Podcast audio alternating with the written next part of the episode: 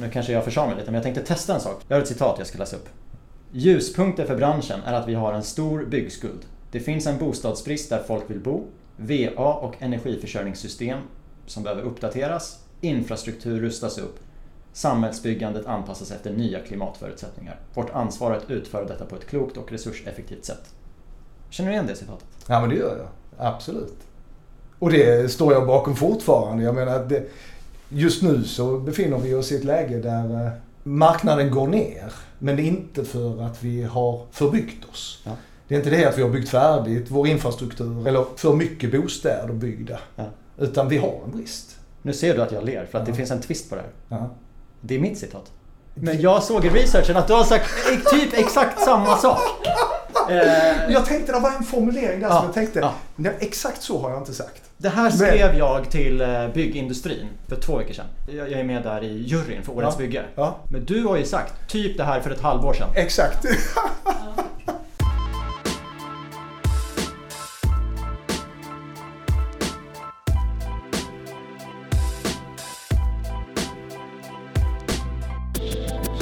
Vi har ingen byggkris. Det finns stora behov av att bygga samhället. Det finns ett underliggande behov av bostäder, att ställa om till klimatneutralitet, att bygga ut Sveriges infrastruktur och av samhällsfastigheter. Till skillnad från citatet i förintrot så är det här citatet från min nästa gäst. Och samtidigt som det finns ett stort behov så finns det även ett ännu större ansvar. Min nästa gäst är sedan januari 2023 VD för Skanska i Sverige ett bolag som i och med sin historik och sin storlek har möjlighet att i ledande position vara med och påverka hela samhällsbyggnadssektorns riktning. Låt mig presentera Magnus Persson.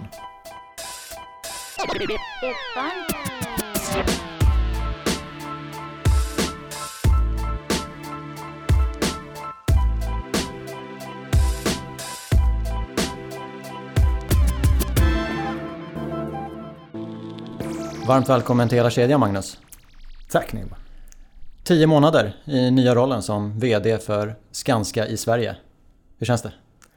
Det stämmer bra. Ja, det är tio månader som har gått. Ja, men det, det känns bra kan jag säga. Jag har ju ett av de roligaste jobben kan jag tänka. Det är fantastiskt kul.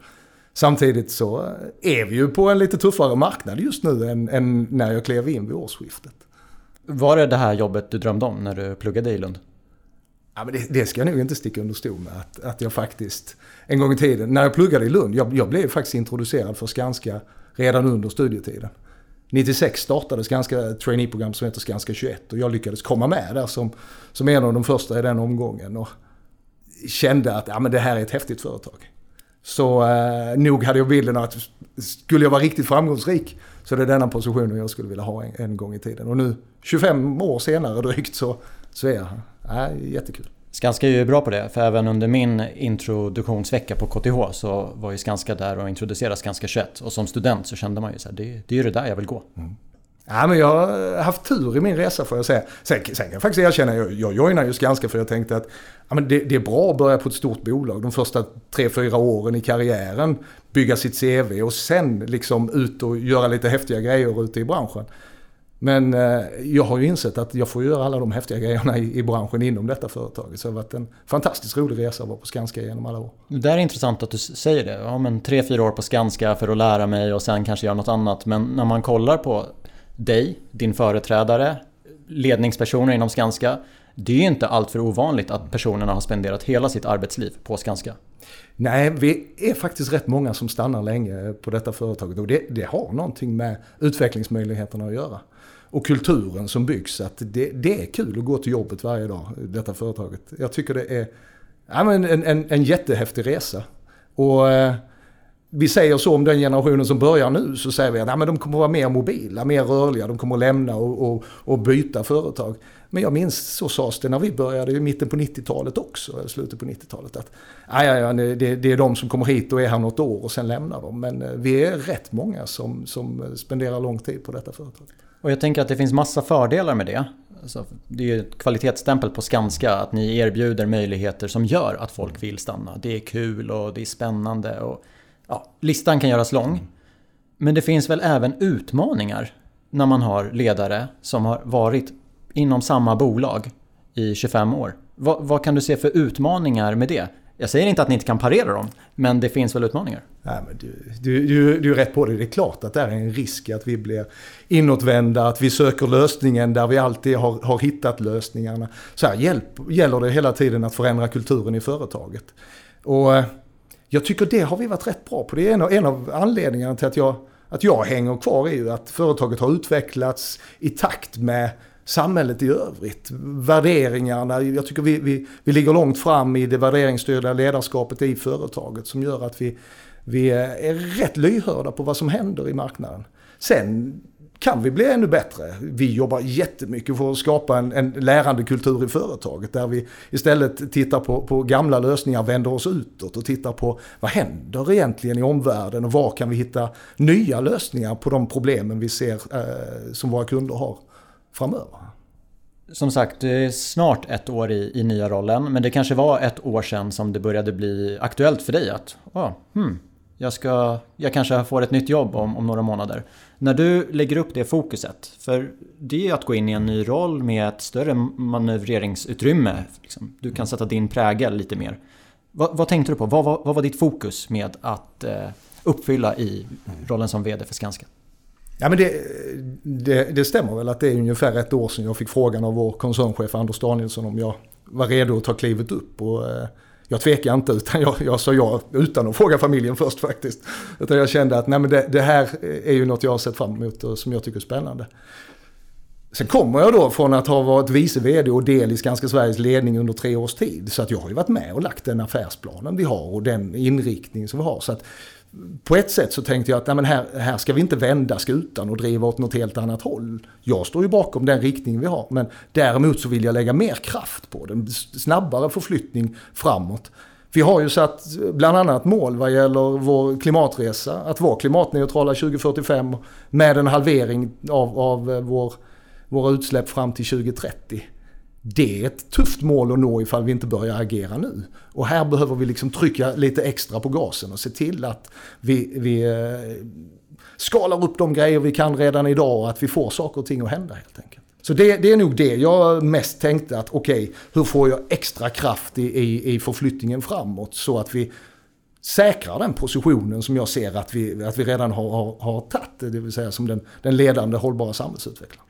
Och det lägger du väl en plan för? För hur ni ska få mer kraft i den här transformationen? Ja, men det har vi lagt en väldigt tydlig plan för. Och det börjar ju med att, att, att jag byggde om mitt team. Att jag såg till att jag fick in den, de personerna i ledningen som jag tror kan vara med och driva denna resan på ett, på ett tydligt och bra sätt. Jag såg till att lyfta upp hållbarhet och innovation in i ledningen. Vår hållbarhets och innovationsdirektör Sara Garton in i ledningen för att säkra att nu har vi den frågan på bordet eh, vid varje möte. Vi ser till att ha med oss de aspekterna som det innebär med hållbarhetsfrågorna i tillsättningar av chefer, i olika investeringsbeslut vi gör. Så att eh, först forma laget, sen eh, se till att, att vi gemensamt committar oss för den här planen framåt för att eh, driva branschen framåt mot eh, en, en, en bättre leverans i hållbarhetsfrågorna. Jag har ju kollat på Skanska utifrån under min tid i byggbranschen och som student och något som har slagit mig det är att Skanska satsar ändå på den här centrala utvecklingen. Och jag vet inte om ni kallar det för forskning och utveckling men av någon anledning så är forskning och utveckling för mig synonymt med Skanskas utvecklingsarbete. Mm. Nu nämnde du hållbarhet och innovation. Mm. Hur samsynkar de? Ja, men de, de är ju eh, egentligen två delar som, som går parallellt bredvid varandra. Vi samordnar genom att vi har skapat en eh, process som vi kallar för Sustain Där vi tar in alla tankar, idéer kring eh, nya innovationer och, och, och, utvecklingar. Där vi har en switchboard med, där det sitter lite eh, valda individer från Skanska och externt som går igenom de här utvecklingssatsningarna och tankarna och tittar på är det här någonting som kommer driva vår affär framåt? Är detta något att, att, att satsa på?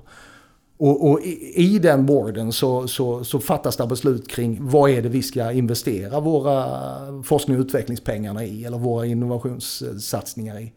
Och där ser vi ju till att det blir mer och mer eh, pengar som läggs inom hållbarhetsfrågan. För den blir allt viktigare för vår bransch att lösa helt enkelt.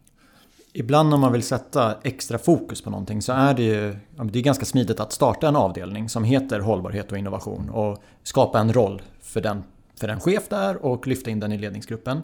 Men någonstans så känner jag att fast hållbarhet och innovation någon gång så ska det här vara en naturlig del i alla Skanskas delar. Och det finns ju andra likheter. För tio år sedan pratade vi om VDC. Mm. Och VDC var en egen enhet. Nu kan jag känna så här, men vadå? Kör ni projekt utan att ha det som arbetssätt? Det är, eh, det är inte särskilt modernt. Vad, vad tror du framåt? Eh, hur många år fram i tiden pratar vi innan vi inte ens nämner liksom hållbarhet och innovation som en egen del utan det är en del av forskning och utveckling? Ja men där, där är du ju på någonting. Sen, sen, tror jag att det blir, det blir lite samma sätt alla förändringsresor. Att ska vi lyckas med dem så måste vi resurssätta dem. Ska vi lyckas eh, skala upp idéer som, och, och, bra för, eh, piloter och tester som finns ute i projekten så måste vi ha resurser som hjälper till att få det att hända, den uppskalningen. Och det är väl i den fasen vi finns idag just i, i, i, klimatfrågan. Vi har ju jättemånga engagerade medarbetare, ambassadörer som vill testa nya saker ute i våra projekt. Och jag ser många riktigt goda exempel. Det som är det svåra, det är ju att ta det där goda exemplet och skala upp det. Se till att det, det blir det här arbetssättet eller den här metoden som vi använder i, i samtliga våra projekt. Det tar tid. Men eh, jag tror att där behövs den där extra resurssättningen. Och då, då blir det liksom ett, en, en, en robustare organisation kring hållbarhet och innovation, att, att driva frågorna tydligare under en period. Tills det sitter i, i, i organisationen ut i den vanliga affären så att säga. Jag är helt med dig. Jag fick höra någon gång att ja, men Apple de lägger 4% av sin omsättning på forskning och utveckling. Byggbranschen, de gör inte alls det. Så tänkte jag, ja, vi jobbar ju decentraliserat. Jag tror att om du räknar ihop alla goda initiativ ute i våra projekt, då är du över 4%. Men vi kanske inte gör det på ett strukturerat sätt så vi får inte ut samma värde. Ja men så är det. Och det är baksidan med att vara en, ett, en decentraliserad bransch. Sen är det ju där vi är. Och jag tycker det är lite charmen i den branschen vi har. Att vi har, vi har liksom det decentraliserade och det integrerade som, som på något sätt går hand i hand. Vi har en enormt driv och ansvarskänsla där ute. Samtidigt när vi lyckas då att ha gemensamma arbetssätt, gemensamma processer, att gå i takt i vissa beslut så blir vi ju väldigt starka i det integrerade. Så att just att hitta den där balansen i byggbranschen mellan det decentraliserade och det integrerade, det, det är där nycklarna sitter för framgång skulle jag säga. När man googlar Magnus Persson och Skanska så eh, det är fokus på ledarskap och klimatomställning. Mm. Jag tänker att vi ska dyka lite djupare i det. Mm. Du har ett citat som jag ska läsa upp. Vi ska säkra att vi har rätt ledarskap för att attrahera framtidens medarbetare och bli ännu bättre på att skapa kundvärde. Kan, kan du Ja men det skriver jag fortfarande under på, absolut. Ja men det förstår jag. Men ja. det jag försöker komma till är att jag tror att det finns ju inte något byggföretag som säger nej, så där ska vi inte göra. Nej. Så då blir det intressant hur, hur Skanska tänker. För att ni nämner ju skapa kundvärde. Mm. Okej, okay. vad, vad vill era kunder se för värde? Och jag förstår att ni har säkert tusentals kunder. Ja. Men finns det någon form av tråd att det här vill de ha? Och det är väl där vi kommer in på hållbarhetsresan. Att vi mycket tydligare ser hur våra kunder efterfrågar att eh, få hjälp i sin förflyttning mot klimatneutralitet eller i sin förflyttning i hållbarhetsresan. Det är väldigt många av våra kunder som har signat upp på Agenda 2030 och säger att det där är, är någonting som vårt företag står bakom och vi, vi, vi ska på den här hållbarhetsresan. Och sen blir det, okej okay, hur, hur översätter vi de här orden i praktisk tillämpning. Vad är det vi gör? Och det är ju där vi ser att här kan vi hjälpa våra kunder. Här kan vi finnas med för att konkretisera. Vad är det för förflyttning vi gör? Hur gör vi klimatneutralare val? Hur bygger vi ett eh, mer hållbart eh, bostadsområde? Vad är det vi behöver göra? Och, och där ser jag att vi kan vara med och hjälpa till. Och jag hoppas att det även är det som attraherar framtidens medarbetare. Mm. Men jag tänker att framtidens medarbetare, ja men de kanske vill se andra saker också. Så när ni pratar om att attrahera framtidens medarbetare, förutom hållbarhetsresan, vad vill de av Skanska? Ja, men, så är det alltid. Att, att vara attraktiva arbetsgivare, det, det innebär väl att se till att vi att, att vi har en tydlighet i vår resa vad vi vill. Vad, vad, vad händer ifall jag joinar Skanska? Vad, vad är det för, för resa jag får vara med på? Att man målar upp den bilden tydligt. Och sen handlar det, som vi har varit inom tidigare, en, en, utveckling. Många medarbetare har varit eh, och stannat länge på Skanska just på grund av att vi satsar mycket pengar på den personliga utvecklingen. Lägger mycket kraft i det, att, att medarbetarna ska känna att de, de liksom inte bara lägger ner ett arbete här och nu utan utvecklas hela tiden. Både genom att få, få an nya utmaningar i, i arbetet men också utvecklingsinsatser vid, vid sidan av i, i, i form av olika kurser och lärande och så. Så att eh, där är den sidan utvecklingen. Men att, att attrahera framtidens medarbetare så är det nog att, att få vara med och göra, göra skillnad på riktigt. Att faktiskt eh, gå till jobbet och känna att man är med och bygger ett bättre samhälle. Jag delar ju din bild av hur viktigt det är med rätt ledarskap. Både för att lyckas med klimatomställningen men också för att attrahera rätt personer och behålla dem. Och det här är intressant för Skanska är ändå en decentraliserad organisation. Ni har säkert flera hundra arbetsplatser, kanske tusen runt om i Sverige. Hur mycket av ledarskapet, eller sättet som ni vill att Skanskas ledare ska vara på, hur stor del av det går att styra upp med liksom rutiner i ett verksamhetssystem? Till viss del såklart. Att, att vi tydliggör förväntningarna på våra ledare. Hur bör jag agera som ledare?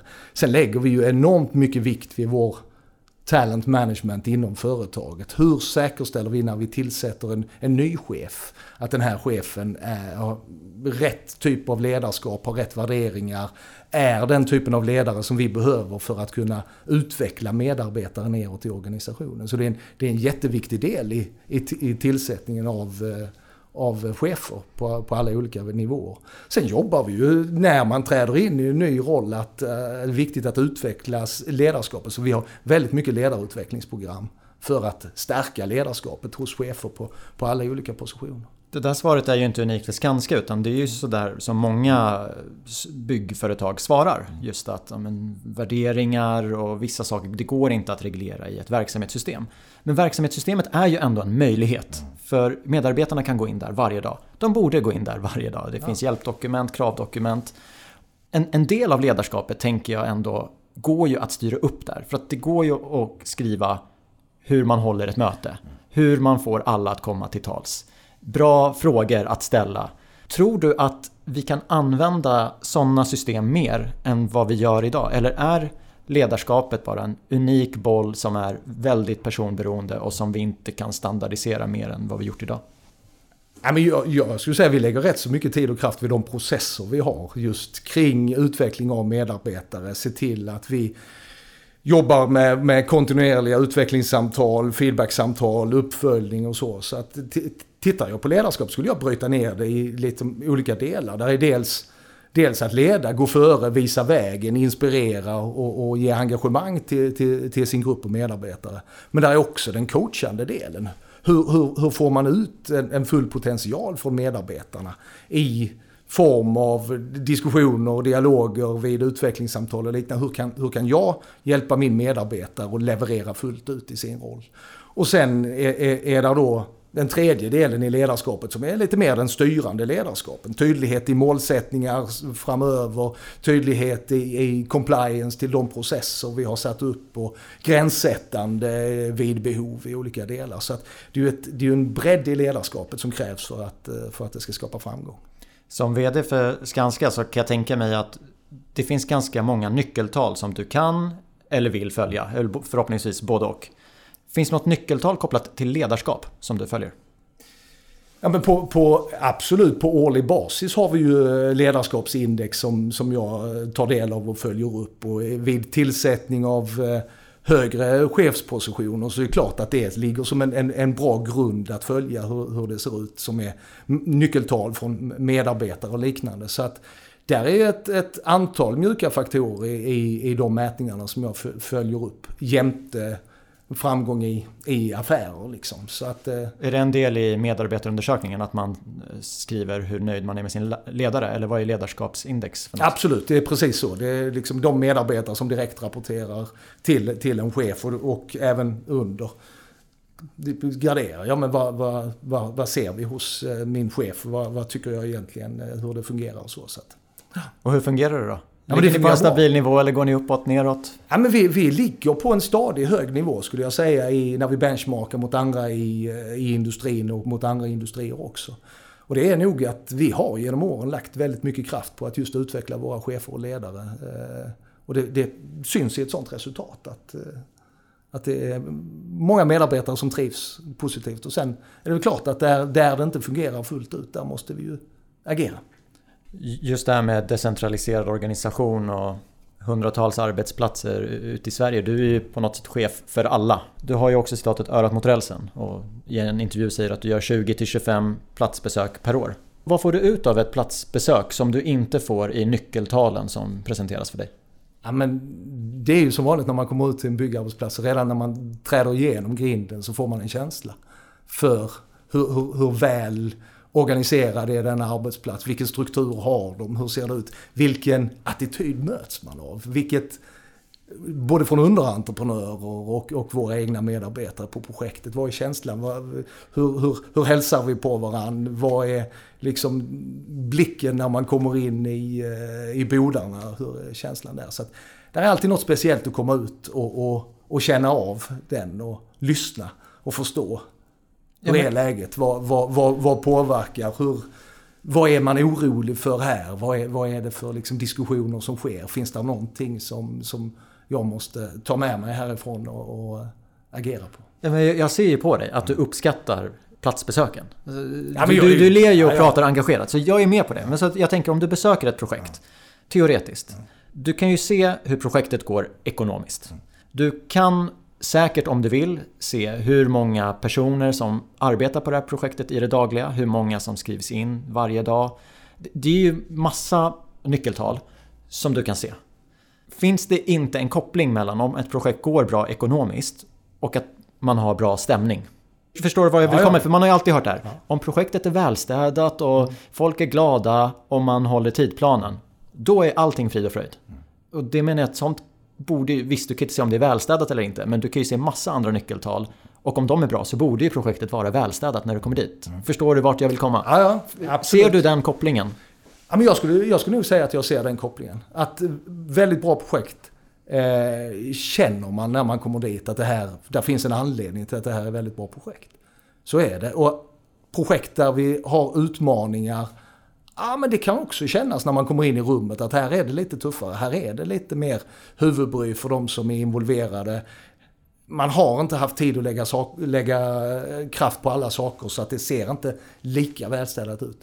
Sen har vi ju lite olika förutsättningar. Ibland är det ju att, att projektet vid ett ganska tidigt skede har, har insett att ja, men där är någonting i förutsättningar i kalkylen som inte har varit rätt eller, eller något sånt här där kan man genom en, en ny målsättning ändå från ett, ett bra ledarskap i, i produktionen, projektchef och liknande, få upp en väldigt eh, positiv eh, stämning och en, en, en framåtro och en, en kraftsamling kring ett nytt mål som gör att den arbetsplatsen kan drivas på ett väldigt, väldigt bra sätt. Även om de ekonomiska förutsättningarna från starten inte blev, blev korrekt. Jag, jag, jag, är, jag är med, jag håller med dig. Det finns vissa saker som man kan se ute på ett projekt som jag tycker kanske inte syns i de här standardnyckeltalen. Men man skulle ju vilja hitta nyckeltal för de faktorerna också. För det är jättebra att du besöker projekten. Men någonstans så skulle det väl vara bra om du kunde få den informationen på annat sätt i den naturliga Skanska-rapporteringen. Och på ett sätt så så skulle jag säga att jag får det. Det här, det här är en jätteviktig del för min... Varje kvartal så går vi igenom alla våra projekt fullt ut. Så vi, vi gör liksom en grundlig kvartalsrapportering. Och den är inte bara KPI-erna, det vill säga bara siffrorna, utan den är också att man presenterar sina projekt.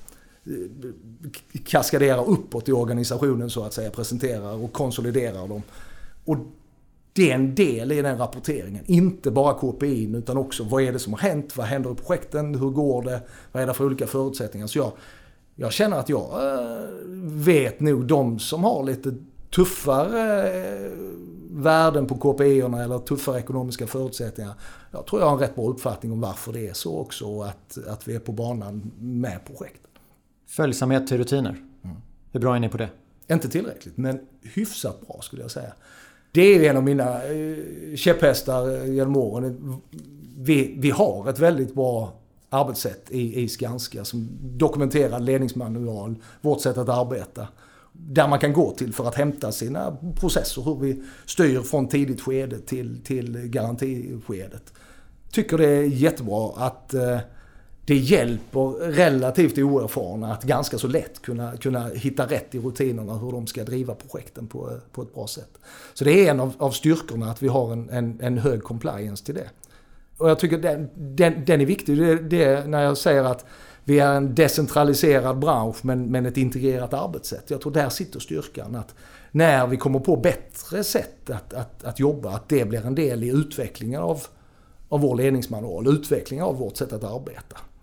En hypotes jag har det är att projekt som följer alla rutiner till 100% Även de kan gå dåligt av olika anledningar. Men projekt som inte följer rutinerna, de kan inte gå bra. Håller du med? I grund så håller jag med. Jag, jag, jag tror ju starkt på att vi eh, blir bättre när vi följer de här processerna och rutinerna. Sen, sen kan jag nog se att det finns enormt duktiga projektteam som jobb, har, har invanda arbetssätt som kanske skulle lyckas även utan de processerna. Som, som vi har, har nedskrivit. Innan jag blev VD för, för Skanska eh, Sverige och innan jag var vice VD här så var jag VD för vår verksamhet nere i Polen. Som hade växt ganska så snabbt. Och jag kunde konstatera att det var en hel del projekt eh, som inte lyckades där nere. I, tyvärr i avsaknaden av just ett arbetssätt, en, en, en dokumenterad rutin för hur saker och ting skulle ske. Men samtidigt så var det andra projektorganisationer som lyckades. Och det var nog att vissa av dem eh, är duktiga på hantverket och vet vad som ska göras och har liksom inbyggda rutiner och processer. Men det är ett, det är ett fåtal. Det, det, är en, det är en styrka i vår leverans och en trygghet i vår leverans att ha gemensamma arbetssätt att förhålla oss till. Men det känns som en risk som Skanska kanske inte borde ta. Att, att det blir så personberoende. Att vi har ett projektteam, följer inte våra rutiner, men det blir bra för att de arbetar på ett bra sätt. Det är ändå en risk. Och jag förstår att det är en balansgång ibland för det är inte så att det kryllar av duktiga personer i byggbranschen. Så har man bra medarbetare så vill man ju behålla dem. Och då finns det olika skolor. Antingen så ska du lägga tid på att få de här medarbetarna att förstå varför vi har gemensamma rutiner. Eller så kan man ju faktiskt vara där och vet du vad? Det är de här rutinerna som gäller här. Och om inte du vill följa dem så finns det säkert andra företag där du kan vara. Och jag tror på den, den första. Det vill säga att även de bästa, att få dem att, att förstå effekten av gemensamma arbetssätt. Att se till att de som är våra mest kompetenta medarbetare då också blir de som utvecklar våra arbetssätt. Ser till att det blir en best practice, det de kan. Så jag, jag vill ju att vi driver för en fortsatt ökad compliance till, till våra rutiner och våra arbetssätt. Ser du den utvecklingen då? Att ju mer man förklarar om syfte och varför och bakgrund att man faktiskt får med sig fler och fler medarbetare? Är det, är det receptet ja, för alla? Ja, jag tycker jag ser det över tid och jag skulle säga att det är receptet. Jag nämnde ju ledarskap och klimatfrågan och jag tänkte att vi ska gå över till klimat nu. Du har ju sagt att det absolut största, det är klimatomställningen. Och sen har du även sagt att Skanska är idag ledande. Ja. Och ni ska göra ännu mer för att eh, behålla den positionen. Ja. Ledande, är det någon egen tabell som, som du har? E e egna KPI. Nej, men det är intressant hur, hur du har kommit fram till det. På vilka objektiva grunder baserar du att Skanska är ledande i klimatomställningen?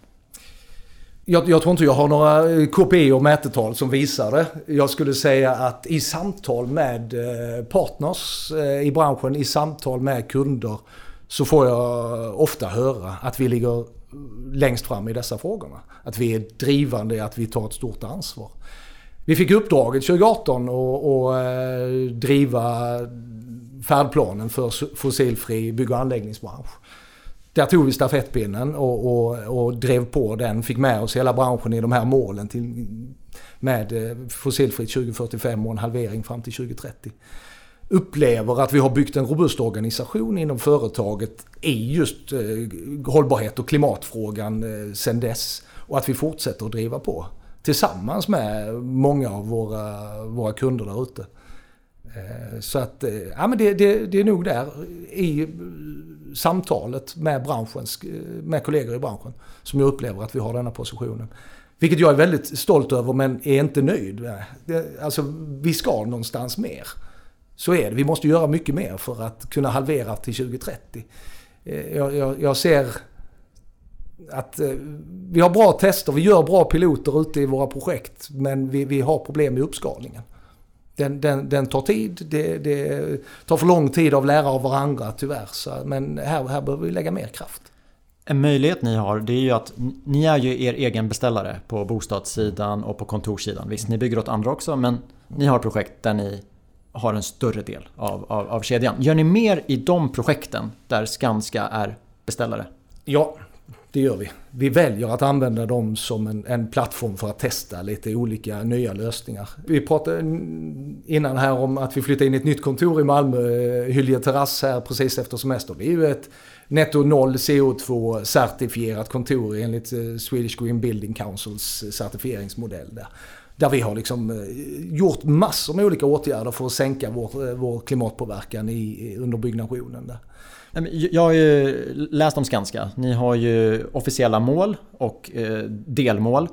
Det, det som skulle vara intressant att höra är om ni har några interna mål som inte har kommunicerats ut. För jag menar, ni är er egen beställare. Ni kan testa saker. Vad jobbar ni med nu för att ligga i framkant? Har du några exempel på saker som ni gör? Ja, och det skulle jag säga både på, på bostadssidan och kommersiella sidan så, så använder vi våra interna utvecklingsprojekt som plattform för att testa nya metoder. Eh, vi, vi, vi har ju processer för hur vi konstant förbättrar, sänker vår, eh, vår, eh, vårt CO2-avtryck i våra projekt över tid i, i, i, våra bostäder, lär av förra projektet för att ta vidare till nya projekt. Så att vi, vi använder det, den utvecklingsdelen för att gå före skulle jag säga och, och testa.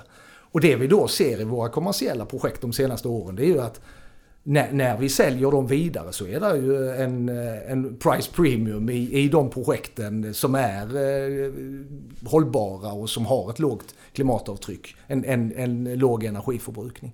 Så här, här har vi mycket tester både i vår eh, bostadsrättsportfölj eh, men i vår eh, hyresrättsportfölj och, och eh, samhällsfastigheter också. En möjlighet jag ser när man är både beställare och utförare det är att när man ska utvärdera kostnaden så kan man slå ut den över en längre period. För ibland blir det ju en diskussion kring att om vi ska ligga långt fram i klimatomställningen, om vi ska använda de senaste lösningarna så blir det en dyrare entreprenadkostnad. Det är ju inte bra om det är en lägsta prisupphandling. Och det har ju du tagit upp att ja, men det främjar ju inte innovation att ha en lägsta prisupphandling. Men i de projekt där ni har en större del av värdekedjan, där man kan utvärdera kostnaden i ett mer långsiktigt perspektiv. Är det fortfarande en merkostnad att ligga långt fram i klimatomställningen? Jag skulle säga att där vi kommer rätt från början, där vi, där vi är tillräckligt tidiga i att bestämma olika initiativ vi tänker göra och hur vi driver, så blir merkostnaden inte så mycket. Men när vi inte involverar detta från starten, utan där vi behöver göra om arbeten under, under processens gång, då, då driver det ofta kostnader. Så det är någonting att komma rätt från början och det, det är där jag ser att i de projekten, våra interna utvecklingsprojekt, där vi verkligen involverar både entreprenadsida och utvecklingssida ihop tidigt med tydliga hållbarhetsmål i projekten, så, så blir det ekonomiskt bra projekt. Och sen kan man se de där mer investeringarna som görs i lite dyrare lösningar kanske för att de är mer hållbara. när vi sätter produkten på marknaden och säljer den till en Investor så får vi ofta betalt för det. Tittar vi på de bostadsrätter vi utvecklar och så, där har vi kanske inte privatpersoner än så länge. Hushållen kanske inte är villiga att betala fullt ut för en, en eh, mer hållbar produkt i dagsläget. Men, men eh, framöver så tror jag vi hamnar där också. Att eh, privathushållen är, är villiga att betala lite extra för att veta att man, man bor i en, eh, i en verkligen hållbar produkt. Ja, där tycker jag att det finns ju en möjlighet om bankerna rabatterar bolånen eller om försäkringsbolagen rabatterar hemförsäkringen. Det skulle ju vara en jättekraft till att välja en certifierad bostad att flytta in i. Ja, men det, det, det, det, tror jag också. Det, det skulle jag också se. Och, och, och framförallt också ska jag säga, en möjlighet för att skapa en rörelse på, på bostadsmarknaden också. Att, att ha lite, flyttar du in i någonting som är mer hållbart, energieffektivt, ja, bättre ur driftsynpunkt? Att du faktiskt får ett lite, lite bättre lånevillkor för det. Eller kanske också att du, du inte behöver betala samma skatt på, på reavinsten när du säljer ditt eh, tidigare boende. Skanskas roll i det här ser jag som rätt klar. Ni har både kommunicerat det utåt och nu när vi pratar, ja, men du, du brinner ju för det här. Så jag är helt övertygad om att Skanska kommer göra väldigt mycket för att behålla ledartröjan eller ta den beroende på vem, vem du frågar. Så ni kan ju styra över det ni gör själva och ni kan övertyga kunder kring Kom igen nu, var med i den här klimatomställningen tillsammans. Vad vill du se från materialleverantörerna? Som de inte erbjuder idag?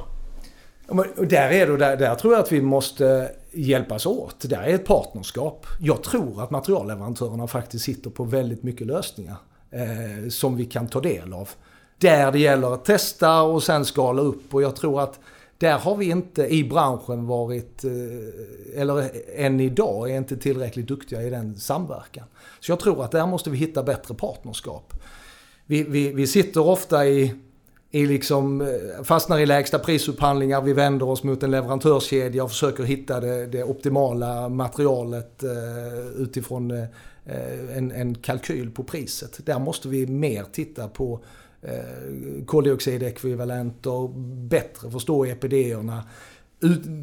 jobba närmre våra materialleverantörer för att höra vad, vad är kostnaden för att utveckla denna produkten till en, en mindre eh, belastning för, för klimatet. Så här, här, tror jag vi har en resa framåt att faktiskt eh, hitta ännu fler eh, samverkan och, och, och partnerskap eh, mellan entreprenörer och, och materialleverantörer. Likväl som mellan, mellan kunder och, och eh, entreprenörer. Det är ju ett citat från dig att eh, de här lägsta prisupphandlingarna det, ja, men det, det gynnar inte innovation utan det, det, det, leder till att man väljer den tryggaste lösningen. Det blir konventionella metoder och inget nytänkande. Kan det bli så att Skanska inte är med i sådana upphandlingar? Vi prioriterar idag upphandlingar där vi värderas eh, mer än bara det, det lägsta priset. Absolut gör vi det. Och, och där ser jag att vi, vi skapar värde åt våra kunder.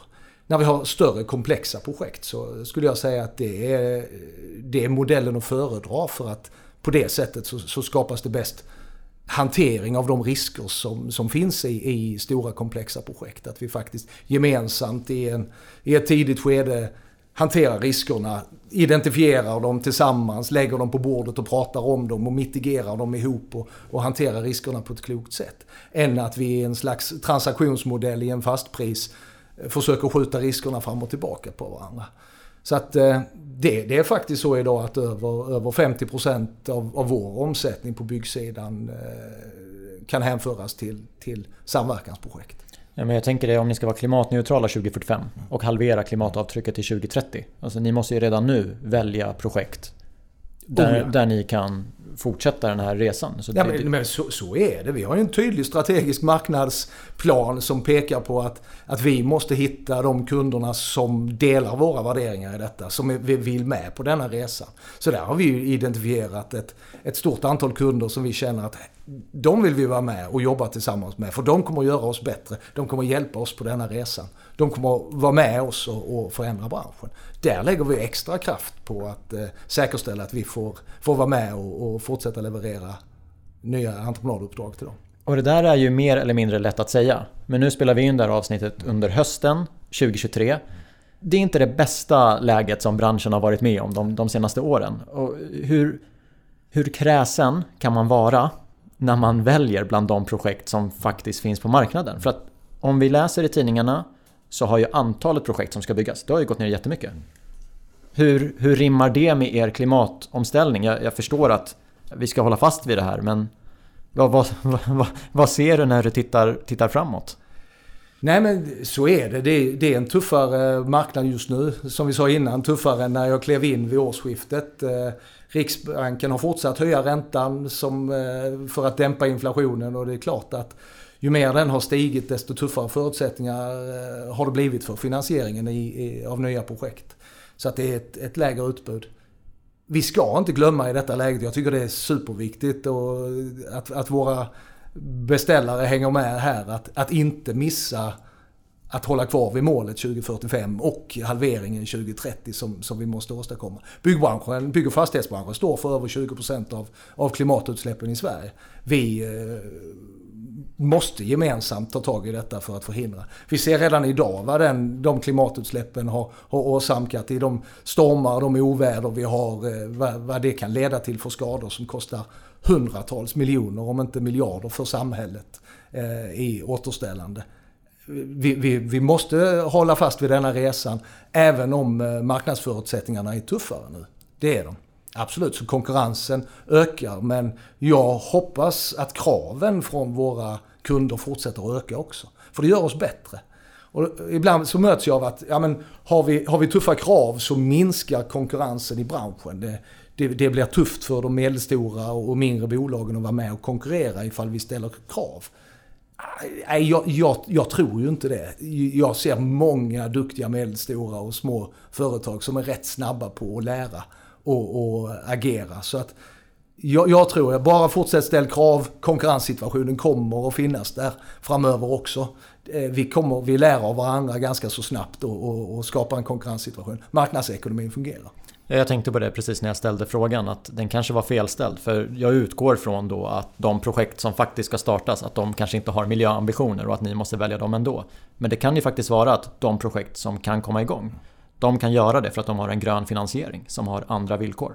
Då är kan, ni helt rätt positionerade. Ja precis, då, då är vi rätt på det. Ja, det är rätt. För ett halvår sedan sa du, vi har ingen byggkris. Vad säger du idag? Ja, det stämmer, jag stack ut hakan. För, och, och egentligen var det för att vi har inte förbyggt oss. Jag menar, vi, vi har ett bostadsbehov i, i de flesta större städer.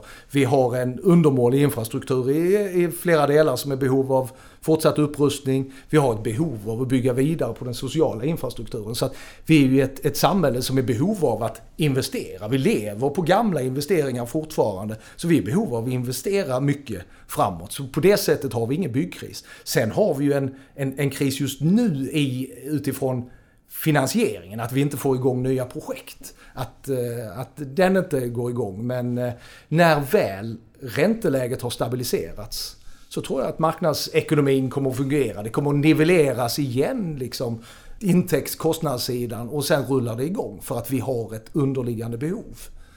Och sen har vi ju en, en, en fantastisk möjlighet i Sverige med att vi ligger långt fram eh, i, i, en omställning av industrin till mer klimatneutrala lösningar. Elektrifiering av, av eh, arbetsmaskiner, vi har elektrifiering av fordon, batterifabriker, vi har en omställning till fossilfritt stål. Det är ju många saker där, där Sverige ligger i framkant i världen. Det här kan vi ju liksom eh, se till att det blir på riktigt de investeringarna i, i, landet och då behöver vi också bygga de här. Och jag ser fram emot att de här anläggningarna, industrierna och liknande byggs på ett eh, hållbart och klimatneutralt sätt redan när de, när de produceras. Ja, det, det hoppas jag. Just bostäder, där pratar man ju ändå om en krasch eftersom att antal byggstarter har gått ner så mycket som det har gjort. Mm. Det drabbar ju er dubbelt. Ja. Ni, ni är bostadsutvecklare och ni är också bostadsbyggare det är ju en snackis nu att vi kan inte sälja bostadsrätter som vi gjort tidigare. Och det kommer inte ändras även när räntan går ner. Vad tror du? Jag tror det kommer att ändras när räntan går ner. Jag tror det kommer tillbaka. Vi, vi har ett bostadsbehov. Vi kommer att rulla vidare vår affär. Vi har startat projekt eh, de senaste kvartalen eh, under detta året som vi drar igång utan förförsäljningskrav för att säkerställa att vi har något att sälja när marknaden vänder. Så att eh, vi, vi fortsätter att starta projekt men vi startar färre projekt än tidigare för att vi inte säljer lika bra. Så att vi har, har dratt ner volymen och vi ser framför oss att det kommer vara lite tufft både 24 och, och 25 här. Men eh, att vi fortsätter att, att uh, sälja bostäder i Sverige, att det är ett behov av, av bostadsrätter framöver också. Ja, men det, det tror jag absolut. Om vi utgår från att vi är i en eh, lågkonjunktur nu. Vi ska precis gå in i den säger vi. De brukar vara i mm, 11 månader och så följs de av 50 månader av högkonjunktur. Och om vi ses i mitten av nästa högkonjunktur, vad blir det? Det blir om tre år. Vad kommer vi prata om då som Skanska tog tillfället i akt att utföra under den här lågkonjunkturen? Om vi inte bara pratar bostadssidan så skulle jag nog säga att vi, eh, just som du var inne på tidigare, vi har prioriterat att jobba med klimatomställningen och hållbarhetsfrågan.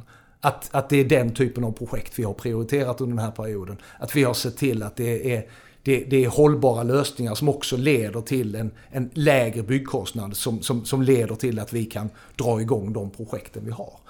Att de utvecklingsprojekt som vi väljer att starta är i framkant eh, framöver. Att det är de som vi verkligen eh, drar igång här. Så det, det, tror jag, hur vi liksom har fortsatt den resan och accelererat den resan. Det, det, skulle jag säga eh, vi ska använda den här lågkonjunkturen till. Att verkligen samlas eh, kring målet att, att sänka vår klimatpåverkan. Och att bygga ett hållbart samhälle. Vi får se. Det kommer en kalenderbokning för hösten 2026. Så ses vi då och ser hur det blev. Ja men det ser jag fram emot. Tack för att du gästade hela kedjan. Super, tack.